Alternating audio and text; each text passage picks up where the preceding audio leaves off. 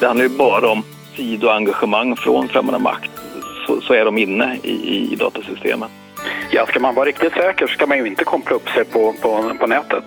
Så är det ju. Då ska man ju ha eh, isolerade lösningar. Men det är ofta väldigt svårt att få till överallt. Men det är ju det att när man upptäcker industrispionage i någon form av cybersäkerhet så är det ju oftast för sent. Då är ju den som vill veta någonting redan inne och man vet inte hur länge det har pågått. Så det är klart att eh, här finns det otroligt mycket mer att göra och man måste skaffa sig kunskap och vara allmänt vaksam. Hej och välkommen till Teknikföretagens podd Tea Time med mig, Anna Waje, presschef på Teknikföretagen och min bisittare Kjell Eriksson. Mm, tackar, här är jag. En ära att få vara med. Du Kjell, idag så kommer vi att se vilka hot som lurar bakom cyberhörnet och vi kommer ju prata både med Must och med Säpo. Och varför vill kineserna egentligen köpa in sig i de svenska företagen? Det här är ett oerhört spännande program. Det är som en bombmatta av innehåll. Och just att få prata med Säpo och Must, man tror nästan inte att det går. Nej. Och I den här serien så har vi pratat just om cybersäkerhet. Eh, de två tidigare avsnitten så har vi tittat lite mer på privatpersoner och företagsperspektiv. Eh, hur har tankarna gått eh, efter det här, Kjell? Jag har ju börjat fundera lite grann sådär att jag gillar ju teknik och jag gillar digitala lösningar och det här, liksom, den digitala utvecklingen är spännande, den är häftig. Men så tänker jag ibland att om man ska vara säker i den digitala världen så kanske man ibland kan lyfta in det analoga. Eh, om det nu är så att man håller på med någonting hemligt till exempel, så skulle man ju kunna tänka sig att man skriver på en gammal skrivmaskin just det dokumentet, bara för att ingen ska kunna hacka en. Och då fick jag en sån här tanke för att du har ju berättat för mig, du har jobbat med massa andra saker förutom med teknikföretagen. Mm, mm, Högt upp i näringskedjan har du ju jobbat. Ja, ja, det, ja men det har det, du. Det stämmer. Ja. ja. och då har du berättat för mig en gång att du vid vissa möten, när det var viktiga möten, mm. nu pratar vi viktiga möten, att man då lägger sin mobiltelefon i någon slags blylåda. Ja, mer som ett kuvert vill jag minnas det som. Ett ja, kuvert? det stämmer. Ja, bly, ja. ja, klätt på något sätt. Ja, ja, som är någon slags liksom supermaterial som gör att den kvävs, typ, ja. så att ingen kan ringa på den. Ingenting kan hända med den. Allting kan störas ut. Och sen kan ni gå in och ha mötet och förmodligen är någon slags bunker då, sitter du i då, antar jag, eller? Ja, det var nog inte riktigt bunker, utan man, man mer lämnade telefonen. Ah, ah. Men mest konstigt var det ju då när det en gång, på ett just sånt där väldigt högklass, säkerhetsklassat möte, faktiskt ringde i den där lilla bly... I lådan? Jajamän. Och ni hörde signalen Vi hörde också. signalen. För jag kan ju tänka att det skulle vara så tätt så att man inte ens hör om det ringer. Som en hermeneutisk box. Mm, mm. ja, nej, då blev vi ju lite brydda allihopa. Eh, och, och det blev liksom folk som sprang in och ut i rummet och, och man var ju tvungen att försöka avbryta. Ja, en slags kaos då? Att, ja. det, en digital kaos, absolut. Mm. absolut. Men det, det jag tänker då att det är ju på något sätt en analog lösning, förstår du vad jag menar? Att man, vi tar det digitala, använder det analoga för att vi ska få säkerhet. Det vill säga vi liksom stoppar undan telefonerna i bly. Eller att vi då skulle använda en, en skrivmaskin. Och då börjar jag tänka på, vad finns det egentligen för yrken eh, som är helt analoga och som därför är väldigt säkra? Som mm. ingen kan hacka. Ja. Och då börjar jag spåna. Ja, har du kommit på någon? Ja, jag tror att jag har kommit på ett. Ett? Jag ja, kan ju tänka sådär som dockteater. Ja, men de kör mycket på nätet nu. Ja. Så vad har du för, för liksom, jo, men jag kom, Jo, jag kommer på det. Jag kommer på det. Ja. Eh, det måste vara stins. Stins? Ja, stins. Och då menar jag en klassisk stins. Som står med en sån här spade. Det heter säkert inte spade. Aha. Men som står med en sån här skylt. Och flaggar tågen. Och flaggar tågen. Det är ju helt analogt. Och som av en händelse så har jag ringt upp just en stins, Anna. Hallå, Örjan Karlsson på Östra Södermanlands järnväg och museiförening. En av Sveriges sista stinsar. Ja. Örjan, vad gör en stins? Ja, det är ju att eh, egentligen hålla ordning på tågen så att man inte skickar iväg tåg mot varandra eller flera tåg efter varandra innan det första tåget har kommit fram. Jaha. Mm. Är det väldigt analogt, det skulle du ja. säga? Ja, det låter jag lite tveksam. Vi använder nog mobiltelefon de sista åtta åren för att prata med varandra. För, för åtta, tio år sedan, då var det nog helt analogt. Har ni en sån här spade som, som Kjell pratade om? Eller? Ja, vi har en spade. Den ska man ju ha med för att synas när man ger avgång. Det är ingen som har hackat sig in på spaden, så att säga. Det har inte hänt någon nej, gång. Nej, Inte än i alla fall. Eller liksom tejpat om nej. färgen på den, eller liksom att det blivit fel på något sätt. Nej. Ni, ni har liksom aldrig råkat ut för en cyberattack? Nej, Det låter mer som ett prank som du pratar om faktiskt, Kjell. Ja. Men använder, alltså, vad, vad, använder du då, förutom spaden? Använder du papper ja. och penna? Och... Då, är alltså det viktigaste då är papper och penna. Eh, ett, en färdiggjord blankett som man då eh, fyller i ett antal uppgifter eh, och eh, när man har fyllt i en hel rad då, då ska det vara tomt, då finns inget tåg på linjen längre. Men då, det här är alltså så analogt så att när man har skrivit upp att nu har tåget åkt iväg då finns det där på pappret och då kan ingen hacka ja. sig in, det är liksom, och tåget är på väg. Ja. tuffar på där. Och då ska nästa station ringa och säga att eh, nu har tåget kommit fram. Mm, och då får man anteckna? Då får man anteckna det. Och då kan jag säga till den som ringer att nu kan du skicka ditt tåg till mig. Det låter som att du är, kan vara trygg för cyberattacker. Det som skulle kunna hända är ju en busringning. Att någon ringer och säger ja, nu har vi skickat iväg tåget. Och sen så tror du på det och sen så blir det då något kaos. Så det gäller att man ja. litar på den som ringer menar jag, så att inte någon så hackar sig in på telefonen.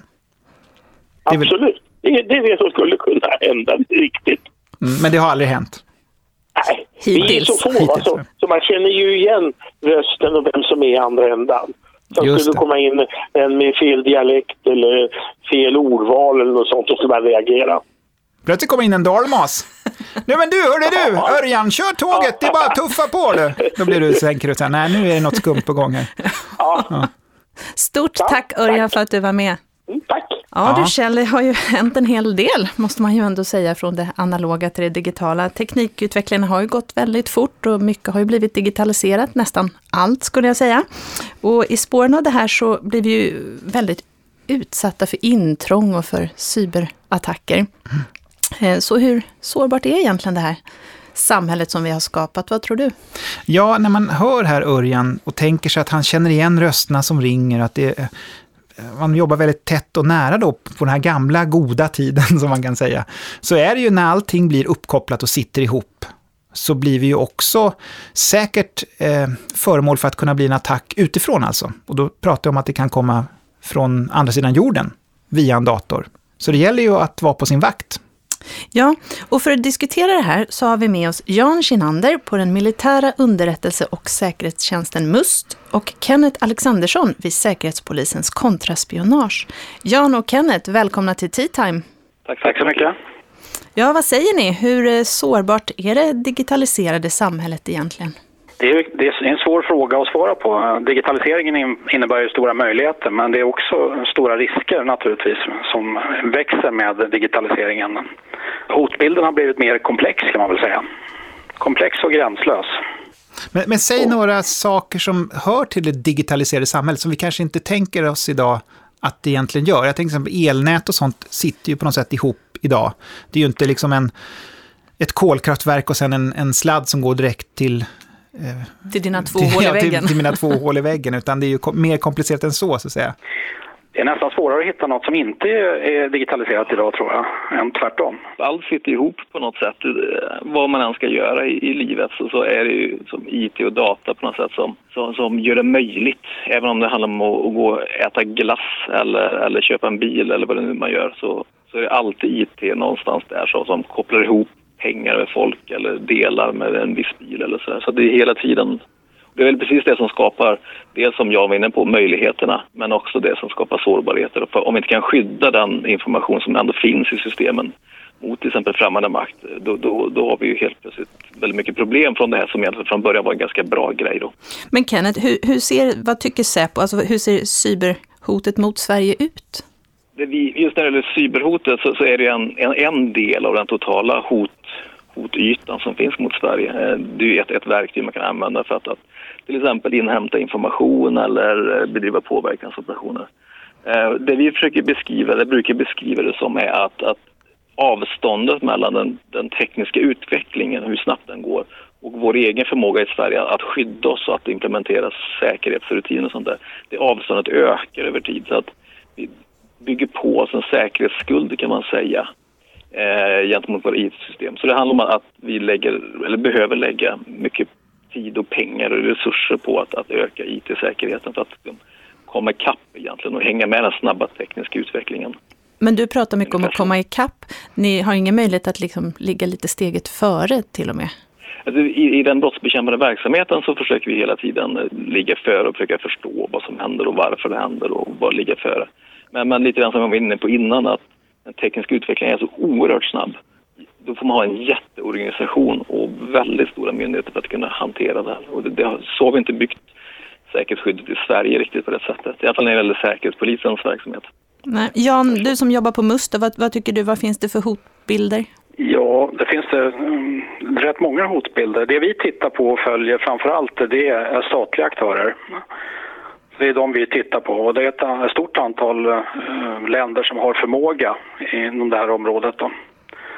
Och de två största länderna som vi följer noga är ju naturligtvis Ryssland och Kina. Men vad, vad, är det man är rädd för? Alltså man har ju sett såna här amerikanska actionfilmer där det är någon bov som styr alla rödljus till exempel för att de ska få grönt ljus och komma fram fortare och sen så får polisen rött när de ska jaga dem och sådär och, och, så sitter någon med en bärbar dator bara och, och knapp, knattrar. Ser så himla enkelt ut. Och som om polisen skulle stanna mot rött. Ja. ja. Det beror ju lite grann på vad, vad motståndaren vill uppnå. Om, om det är så att man vill stjäla information, stjäla teknologier eller bara komma åt ekonomiska fördelar eller helt enkelt bara kartlägga våra nätverk och IT-system för att eh, kunna störa eller förstöra i ett senare skede. Men det här är någon slags mischmasch då som man, man måste tänka på, på alla plan så att säga. Allt ifrån någon enskild liten rånare som kanske vill komma åt något värde någonstans eller någon stat som kanske liksom vill ha all vår information. Ja, det får man säga. Det, det, hotbilden är väldigt komplex. Eh, det är allt från småkriminella som använder det här som verktyg till um, stora stater. Då. I och med att eh, så stora delar av, av ens, ens liv är uppkopplat så, så är ju ytorna som främmande makt kan använda för att eh, inhämta till exempel information är ju oerhört mycket större nu för tiden än för kanske bara 20-30 år sedan. Så att det blir mycket enklare eh, för främmande makt att att bedriva spionage egentligen, eh, tack vare den här tekniska utvecklingen. Men är det så att vi har gjort, alltså byggt in vårt eget, alltså vi är vår egen fiende i och med det här? Alltså vi, vi har liksom byggt nästan som ett litet monster som bara blir större och större och, och det blir liksom svårt att hantera det. Men så ska jag inte vilja säga. Jag tror att, att det, det, är absolut hanterbart om vi lägger resurser på att öka säkerheten och öka vår förmåga att skydda det som behöver skyddas, eh, då är det inte så stort problem längre. Så att det är absolut hanterbart. Och det är nog inget monster, tror jag inte, inte på det sättet. En svårighet i det här är ju att det, det, kunskapen eh, om IT-säkerhet är, är, eh, för låg helt enkelt. Då. Så det är mycket en fråga om utbildning för att uh, klara av att möta den här nya hotbilden. Då. Och, och då tänker du kanske till och med den enskilde medborgaren eller företagaren eller Absolut, det, som... det börjar redan på individnivå där du måste kunna hantera eh, sådana enkla saker som eh, att eh, uppdatera säkerhetsuppdateringar till din, ditt, ditt dator hemma, att man har komplexa lösenord och att man inte klickar på länkar och öppnar mejl från okända avsändare och så vidare. Det börjar redan där på individnivå. Tycker du att, att många är lite naiva i det här och, och liksom har lite en övertro att, att det nog inte händer just mig eller? jag ska inte säga naiva, men aningslösa i alla fall. Eh, det finns en väldigt stor aningslöshet. När, när, när, när gör det ont i ert hjärta då? Ni som verkligen jobbar med de här frågorna och, och, och så kanske ni liksom får veta att det är någon som har någon router som står öppen eller när känner ni så här, åh nej, här, här jobbar vi med så mycket cybersäkerhet och sen så är det liksom en, en liten löjlig brist någonstans bara för att det är någon privatperson som har någon liten pryl som inte är, är säkerhetsmässigt kopplad. Och det är ju så att främmande makt eh, gör det ju så enkelt som är möjligt för sig också, att man tar den enklaste vägen. Om man kan komma åt information eh, utan att göra en massa avancerade operationer så är det klart man löser det på det sättet. Så, att, så även om ni då jobbar jätteavancerat med de här frågorna så, så känner ni ändå att det behövs, här behövs kunskap helt enkelt hos folket? Både på individnivå och på, på företagsnivå eller myndighetsnivå, ja. Sen är kunskapen väldigt olika, så vi ska inte säga att, att kunskapen är dålig överallt. Men eh, det, det, finns väldigt, det finns väldigt stora skillnader på både på företag och myndigheter hur man hanterar hotbilden. Sen tror jag att man kan komma ganska långt också, dels genom att ha den här mer tekniska förbättringen, om man säger så, men sen samtidigt att, att framförallt myndigheter och organisationer lägger lite tid och kraft på den här hotbildsuppfattningen. Alltså vilka är hotaktörerna? Vad driver hotaktörer att att agera på det sättet som, som de gör, bedriver till exempel spionage. Att om man har en känsla för vad andra länder är ute efter och vad som får dem att gå igång på det här, då eh, kan, man, kan man enklare liksom förstå vilka typer av skyddsåtgärder ska man sätta in och, och sätta då ens egen IT-säkerhet kanske i en, en kontext eh, av andra länders agerande. Vad är det man vill åt? Är det liksom företagshemligheter eller är det ja. hela landets hemligheter? Eller? Ja, allt mellan himmel och jord. Det är alltifrån rikets hemligheter till företagshemligheter till, till en del i flyktingspionage till att bedriva påverkansoperationer. Det är egentligen hela spektrat. Och det är återigen en effekt av att så stora delar av vårt samhälle och våra liv är kopplade, ihopkopplade via internet. Så att via ett verktyg, alltså IT-verktyget, så kan man inhämta information på många olika sätt, på många olika ställen. Men finns det någon, någon del där i samhället ni tycker nästan att man kanske inte borde digitalisera så mycket, utan snarare kanske använda traditionella analoga lösningar för att de kanske är säkrare? Ja, ska man vara riktigt säker så ska man ju inte koppla upp sig på, på, på nätet. Så är det ju. Då ska man ju ha eh, isolerade lösningar. Men det är ofta väldigt svårt att få till överallt. Mm. Informationsdatabaser som är uppkopplade på nätet är ju per definition osäkra. Eh, det handlar ju bara om, om tid och engagemang från främmande makt så, så är de inne i, i, datasystemet. Så vill man vara säker ska man separera det tydligt från internet och, och ha så här eh, luftgapstäta liksom, lösningar. Då är man, eh, men det absolut säkraste är ju ett papper. Mm. Men samtidigt är det ju inte, det är inte åt det hållet utvecklingen går heller. Att vi ska börja jobba med papper och penna igen. Nej, vi vill ju använda digitaliseringen för att bli effektivare också. Så det, det, det är stora möjligheter som det här ger. Ja, spännande att prata med er, både eh, Jan och Kenneth. Och, eh, jag hoppas att vi har blivit lite klokare. Eh, lösenorden har vi ju faktiskt i ett tidigare avsnitt redan diskuterat. Så det känns som att både jag och Kjell gick hem och ändrade febrilt och mycket snabbt. våra, våra korta lösenord till jättelånga lösenord, så att nu kommer vi inte ihåg dem själva ens. Men varje gång får vi trycka på glömt lösenord. Ja. Jan Kinander på MUST och Kenneth Alexandersson på Säpo. Stort tack för att ni var med i Tea Time. Tack, tack så mycket. Vi ska fortsätta på det här ämnet tillsammans med Jerker Hellström som tidigare arbetade på Totalförsvarets forskningsinstitut, FOI, och nu på Swedish Center for China Studies. Jerker, varmt välkommen till Tea Time. Tack så mycket, trevligt att vara med. Du, vi måste nästan börja med att fråga, Swedish Center for China Studies, vad, vad är det? Eh, ja, det är alltså en verksamhet som jag leder sedan bara början på februari faktiskt. Som egentligen resultatet av att industrin har insett att det saknas en, en funktion, jag tror många andra också egentligen, en funktion som besvarar de Kina-specifika frågorna som är just relevanta för Sverige. Så att eh, därför startades det här företaget som det är med, med stöd från svensk industri och, och, tanken är att man ska eh, att jag och mina kollegor då så småningom ska besvara de här frågorna som rör Kinas eh, agerande och in, intressen utomlands eh, men även utvecklingen i Kina. Va, vad kan det vara för frågor då? Som man har? Förutom språket eh. kan ju vara svårt ibland om man inte kan kinesiska. Ja, men precis. Så grundförutsättningen är just att vi använder oss av kinesiska originalkällor till stor del och att vi har databaser och ett eh, expertnätverk som vi drar på. Men och när det gäller frågorna då så är liksom det som är absolut mest relevant för både då samhälle och näringsliv och det handlar om allt ifrån det som jag har tittat på när jag varit på FOI när det gäller kinesiska investeringar och förvärv i Sverige satsningar på högteknologisk utveckling rent generellt. Och så, ja, hur, hur kommunistpartiet i Kina ser på sin omvärld och agerar utifrån den, den världsbilden helt enkelt. Du, vi pratade alldeles, eh, tidigare i programmet om just cyberattacker med MUST och Säpo. Vad skulle du säga är den största hotbilden mot Sverige när det kommer till industrispionage och cyberattacker? Jag har inte tittat på frågan rent generellt utan det är hela tiden liksom specifikt det kinesiska agerandet och de kinesiska intressena. Så att, eh, och där har ju Kina varit ganska explicit, ganska uttalat vad det är för områden som är intressanta för långsiktiga statliga utvecklingen.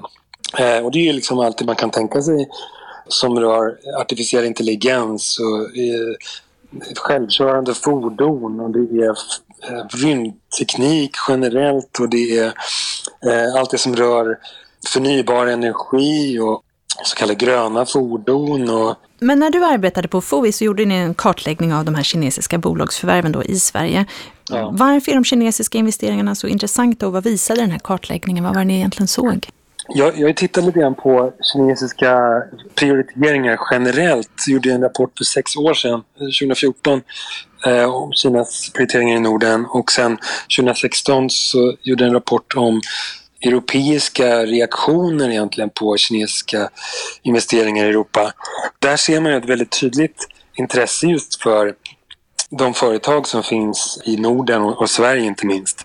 Därför är det intressant från ett svenskt perspektiv eh, där Sverige länge var i toppen när det gällde destinationer för kinesiska investeringar i Europa på grund av egentligen ett enskilt förvärv, nämligen Volvo Cars 2010.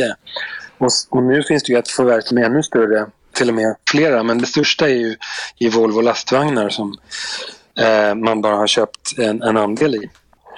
Varför, varför de är intressanta i, i just eh, det här från ett svenskt perspektiv, men just att Kina är ju egentligen den enda staten där man har statligt stöd för att investera. Det finns statliga intressen att utveckla ekonomin genom förvärv utomlands. Vi ser inte det någon annanstans och Kina har helt andra muskler än någon annan stat att göra det också, som världens näst största ekonomi. Men att göra bolagsförvärv då i andra länder, kan man säga, är det som en slags, ja det blir som en cyberattack i analog bemärkelse, att man tar, tar över ett företag helt enkelt, eller skaffar ett företag. Är det just för att komma åt eh, teknologier och företagshemligheter?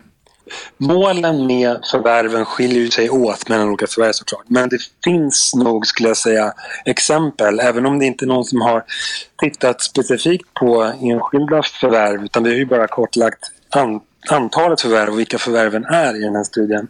Eh, det finns förvärv där det finns statliga intressen. Åtminstone en korrelation kan man se mellan de statliga industriplanerna i Kina och de förvärv som har genomförts i Sverige. Så då kan man se att Visst, det här är ju ett lagligt sätt att komma åt intressanta teknologier. Det finns andra sådana lagliga sätt. Man, att man rekryterar personal från företag som har de här intressanta teknologierna. Eh, inte minst Ericsson tror jag man kan se att det har skett såna, en sån typ av tekniköverföring. Eh, tekniköverföring som är antingen påtvingad eh, genom samarbete med Kina eller eh, även frivillig. Sen så har vi ja, forskningssamarbeten i en annan del av de här lagliga tekniköverföringsmetoderna. Sen finns det de olagliga där det både handlar om personbaserad inhämtning, så kallad HUMINT, eh, alltså via agenter inne på företag. Och så har vi eh, dataintrång, alltså cyberangrepp mot, mot företag. Det gäller att vara lite på sin vakt helt mm. enkelt. Och så kan man ju tänka att det är ju dubbelriktat så att säga. Vägen går ju åt båda håll. Så att vi kan ju också passa på att lära oss någonting av Kina såklart. Eh, ja, och, och absolut. Och, och, alla liksom engagerar sig på olika sätt för att inhämta kunskap. Och, och alla spionerar på alla så att säga. Men det har ju tidigare varit funnits ett intresse, bland annat från amerikanskt håll, att komma Eh, Eh, och där kom man till och med överens med Kina om att inte utöva industrispionage mot varandra. Det, att man spionerar på varandra, det måste man acceptera. Det, det kommer alla fortsätta göra. Men att helt enkelt inte göra det med statliga motiv att tillskansa sig ekonomiska fördelar. Där, där kom man överens om att inte göra det tillfälligt. Ja du Jerker, mm. det var jättespännande. Stort tack för att du var med i Tea Time. Jerker Hellström alltså från Swedish Center for China Studies. Tack så mycket. Det här är ju sista delen i vår serie eh, om cybersäkerhet och för att knyta ihop säcken så har vi med oss Teknikföretagens VD Claes Wåhlberg. Claes, välkommen till Tea Time. Tack så mycket, tack så mycket. Det här missar man inte den möjligheten, jag säga. Nej. Hur tycker du, vad, vad, säger du, hur ser hotbilden ut mot eh, våra medlemsföretag? Ja, alltså den är ju central i eh, hur det gäller att skaffa sig konkurrenskraftsfördelar. Det är ju alla medel tillåtna, verkar det ju som. Och vi har ju varit aningslösa kan man väl säga under ganska lång tid. Nu ser vi ju en eh, ökad vaksamhet men det är ju det att när man upptäcker industrispionage i någon form av cybersäkerhet så är det ju oftast för sent. Då är vi ju den som vill veta någonting redan inne och man vet inte hur länge det har pågått. Så det är klart att eh, här finns det otroligt mycket mer att göra och man måste skaffa sig kunskap och vara allmänt vaksam. Här tänker du alltså att det är någon som har gått in i någon databas och hämtat all information redan och då, ja, då är det för sent när man upptäcker det? Ja, alltså det, när man väl upptäcker ett intrång som, vi har ju medlemsföretag som är verksamma, både, så industriföretagen har ju både användning av IT-systemen men också sådana bolag som sysslar just med cybersäkerhetsskydd, då Combitech för att ta ett exempel som ju har 300 personer som jobbar bara med sådana frågor inom försvarsindustrin. Och det är klart, när de då säger så här, ja när man upptäcker ett intrång, då vet man ju inte hur länge det har varit. Har det varit en timme eller har det varit ett halvår? Det, så att man vet inte vilken information man har tappat då så att säga. Så eh, många gånger så blir ju råden som vi ska ge till medlemsföretagen, det är ju generellt allmänt misstänksamhet. Så är man inte vaken, då missar man det garanterat. Sen finns det också behov av en ökad utbildning i området för att det här är ett teknikområde som eh, attraherar. Och eh, för att kunna skydda sig måste man själv vara välutbildad så att säga. Så det här har vi tittat på och vi ser det som ett allvarligt hot mot konkurrenskraften. Men, men vad, vad, kan eh, du då, Claes, göra? Vad kan teknikföretagen göra för, för företagen? Ja, vad vi har gjort här är att vi samarbetar ju då med en av våra branschorganisationer, försvars och säkerhetsföretagen, som just har det här på agendan. Men man måste till att börja med medvetandegöra medlemsföretagen om att det här är en hotbild som ni har. Ni hade den inte förut. Och det som är intressant är att eh, IT-intrång eller säkerhetsintrång på det sättet.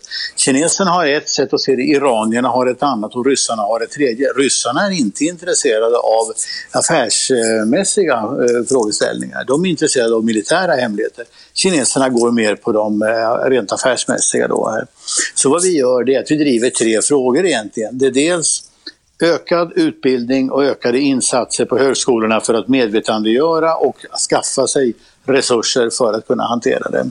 Och det andra är att vi ser till att försöka hitta en standardisering på EU-nivå. Därför det går inte att bara Sverige kör, vi måste ha det centraliserat. Och det sista är ett cybersäkerhetscenter som vi har jobbat med att få fram så att säga då en hubb för där man koncentrerar informationen och att man då med ett statligt engagemang ser till att säkra upp det. Precis på samma sätt som vi har statlig eh, tullsäkerhet, alltså tullverk som är statligt eh, eller vi har polisen som är statlig. Så ser vi det att cybersäkerhet bör också skötas i ett statligt engagemang. Mm. Men, det, men det känns ju som att ett medlemsföretag hos Teknikföretagen ju då jobbar med teknik och att de som jobbar med teknik ligger i framkant och verkligen kan de här frågorna. Men här finns det alltså brister, även hos teknikföretagen. Jag tror det är så här att man kan nog frågeställningarna till viss del, men man är aningslös och eh, man har då, ska, eh, som generellt skulle jag säga, man tror folk om gott och man kanske inte är medveten om vilken öppning det ger. Och när vi inte då har, som vi pratade om tidigare här i programmet, en eh, investment screening som det kallas för, det vill säga hur man kontrollerar vem är köparen av det här? Ja, det ser ju bra ut det här. Det, han bjuder tre gånger börsvärdet för det här bolaget. Men då tar vi den affären. Ja, men vad är syftet med det då så att säga? Det är ju en riskbild vi har idag när vi har en kronkurs som är låg och vi har ett börsvärde som är lågt på grund av en, en eh, coronaepidemi som har slagit till ganska hårt. Då, då sitter vi väldigt exponerade här. Så det är både en tekniskt skydd men också ett finansiellt och kommersiellt skydd vi måste ha. Vad skulle du vilja se för åtgärder från politiskt håll då? Alltså det, vi har skapat ett cybersäkerhetscenter, det måste gå från ord till handling i det. Vi har ju skapat ett cybersäkerhetsförsvar, är visserligen inte många, det är 30 personer, men det är fler än tidigare. Och vi måste lyfta fram då vad högskolornas utbildning i området är och visa på att man kan försvara men samtidigt utveckla. Sen bör vi ha ett, någon form av eh, investment screening system där vi säkrar upp att inte vi skickar iväg kronjuvelerna. För att vi, aningslösheten slår igenom här kan man säga. Så en konsekvent bedömning av vad är det för några tillgångar vi vill ha kvar, det bör vi sitta på. Det är centralt. Men vi måste veta också värdet av dem. Men du nämner ju här coronaepidemin eh, och vi kommer då kanske då in i en, i en, i en kris, så att säga. Lågkonjunkturen ja. är här. Eh, är det då mer sårbart? Är vi då mer sårbara? Det är absolut mer sårbart. När svenska kronan står mot 11,40 eh, mot euron och, och över 10 mot dollarn så är ju svenska företag billiga. Dessutom toppat då med en börskurs som, där åker hiss just nu. Börsen går 5% upp, 5% ner varje dag. Det här gör det ju, det är ju rea på svenska teknikföretag i dagsläget. Och den som är eh, så att säga, ute efter ett långsiktigt engagemang i bolaget, kanske ser nyttan på 5-10 års sikt, har ju det ju köpläge nu här. Och vi har inga sätt att hindra det mer än att vi skulle själva gå in och konkurrera med det. Men det är ju en eh, långsökt tanke kanske. Och den här frågan är ju en generell en fråga på europeisk nivå också. Hur ska man kunna hantera det så man inte får, som inte skickar iväg tillgångarna någonstans bara för att det råkar vara billigt just nu. När vi har en spelare som inte spelar efter samma spelregler som vi i Sverige. Vi har ju tidigare i det här programmet diskuterat lite hur väl rustat Sverige är för cyberattacker. Och jag vet Kjell att du har ju längs den här programserien, då här i vårt sista, en serie av tre program, du har ju liksom värpt fram en egen idé nu hur vi ska kunna skydda Sverige. Mm. Och jag tänkte du kanske kan få pitcha den både mot, mot mig och Claes här. Ja, det kan jag göra. Ja, spännande. Eh, och då tänkte jag en digital värnplikt. Vad tror du om det? Alltså den klassiska värnplikten, då är det ju kängorna på och det är ärtsoppa och man ska gå kanske i skogen med tung utrustning. Här kan man ju tänka sig att man istället då gör en digital värnplikt, det vill säga att man får en Jolt-Cola och en ja, påse tror, chips och en, en bra dator och sen så nej, jag får man jobba. Är överty jag är övertygad om att det är en väg framåt. Vi måste vara beredda att ompröva det, för mina värnplikten har vi. Och vi behöver folk som går i skogen också, som svarar för olika uppgifter. Men det här är absolut en roll och vi har ju satt upp ett cybersäkerhetsförsvar 30 personer till att börja med, men det kommer säkert att behövas fler. Och en, en värnplikt som svarar upp emot hotbilderna, det tror jag är en väldigt bra idé. Jag, jag, jag gillar ju den jättemycket. Jag tänker man springer runt liksom med en One Piece och sockerplast, joldkolan där du pratar om, i skogen kanske då, och kopplar upp sig mot någon liten radiomast där och så ska mm. man skydda Sveriges gräns på det sättet. Mm. Jag måste ju säga hiss på den här idén faktiskt, Kjell. Du gillar idén? Ja, ja, det är bra. Nej, men just att förnyelsen... Hörde jag en volontär? Ja. jag tror Kjell är först ut faktiskt. Jag kan vara först ut. Ja, men den digitala värnplikten den fick hiss både från mig och Claes faktiskt, känner man. Ja, absolut. Ypperligt bra, bra, bra idé. Och vi har som sagt en, en volontär, du kan bli den 31 då. Om, 31. Om, precis, om, om 30 redan var anställda så, så kan du bli den 31 känner Bara jag. slipper ärtsoppan. Och ja. Bullens, den här korven. Pilsnerkorven. Ja, ja. Oh, men det är ju en kult, har ni inte sådana? Det är ju sådana tider man ska ha det. Jag kände det på mig att du, Claes, skulle säga det. Du, skulle... du får hävda att du är vegetarian, Kjell. Ja. En modern digital armé som är ja, vegetarian. De är absolut vegetarianer, vegetarianer ja. det hör du ju. Ja. Stort tack Claes Wåhlberg, vd på Teknikföretagen, för att du var med och berättade lite om vad Teknikföretagen eh, gör och hur vi ser på frågan. Mm. Tack, tack. Ta hand om dig och din dator nu, Claes. Ja, ja. Du kan bli den 32 som får åka in på denna Jajamän, digitala värnplikt. Snarare i hemvärnet, det skulle jag tro. Repmånad. Okej, ha det fint. Detsamma. Hej då. Ha det bra. Hej då. Hej, hej. Ja, Kjell, det var eh, det sista i den här programserien om cyberattacker. Vad har du lärt dig, förutom att byta lösenord? Nej, men man, man har fått upp ögonen för det här och det är ju det är viktiga frågor att tänka på hela tiden. Ja. Så att eh, jag verkligen, jag tackar och bugar för att jag fått vara med på den här resan. Du tycker inte det har varit lite betungande också att man, att man känner den här aningslösheten hörde vi om? Och att jo, man... nej men just det här, just det här, det här komplexa som de ju var inne på både på Säpo och Mustard. Här har vi kanske byggt upp ett supersystem, men så är det liksom en leksaksnalle som råkade vara uppkopplad via wifi till någon router med lösenordet 000 som ställde till det. Eller du som tryckte på länken från Plastnord. Just det, ja. Plastnord kom, du har ett paket att hämta, jag klickar på länken. Nej men att det, det är ju det som är det så här, oj vad det är komplext och stort, att det är, det är ju sårbart, men det är liksom hur vi än bygger upp det hela. Och sen också det här att om vi bara drar ur sladden så då är vi säkra. Det är också absurd tanke, att ja. så enkelt är det. Dra ur sladden bara. Men så kan vi inte ha det. Då är det ingen som kan lyssna på den här podden. Det går inte. Nej. Det har varit jättespännande och jag är väldigt glad att du har varit med Kjell. Och mycket spännande gäster, de får vi eh, tacka än en gång. Mm. Och eh, tack till alla er som har lyssnat. Då ja. rundar vi av och säger eh, tack och hej leverpastej och tjohej. Det gör vi. hej då! Hej då!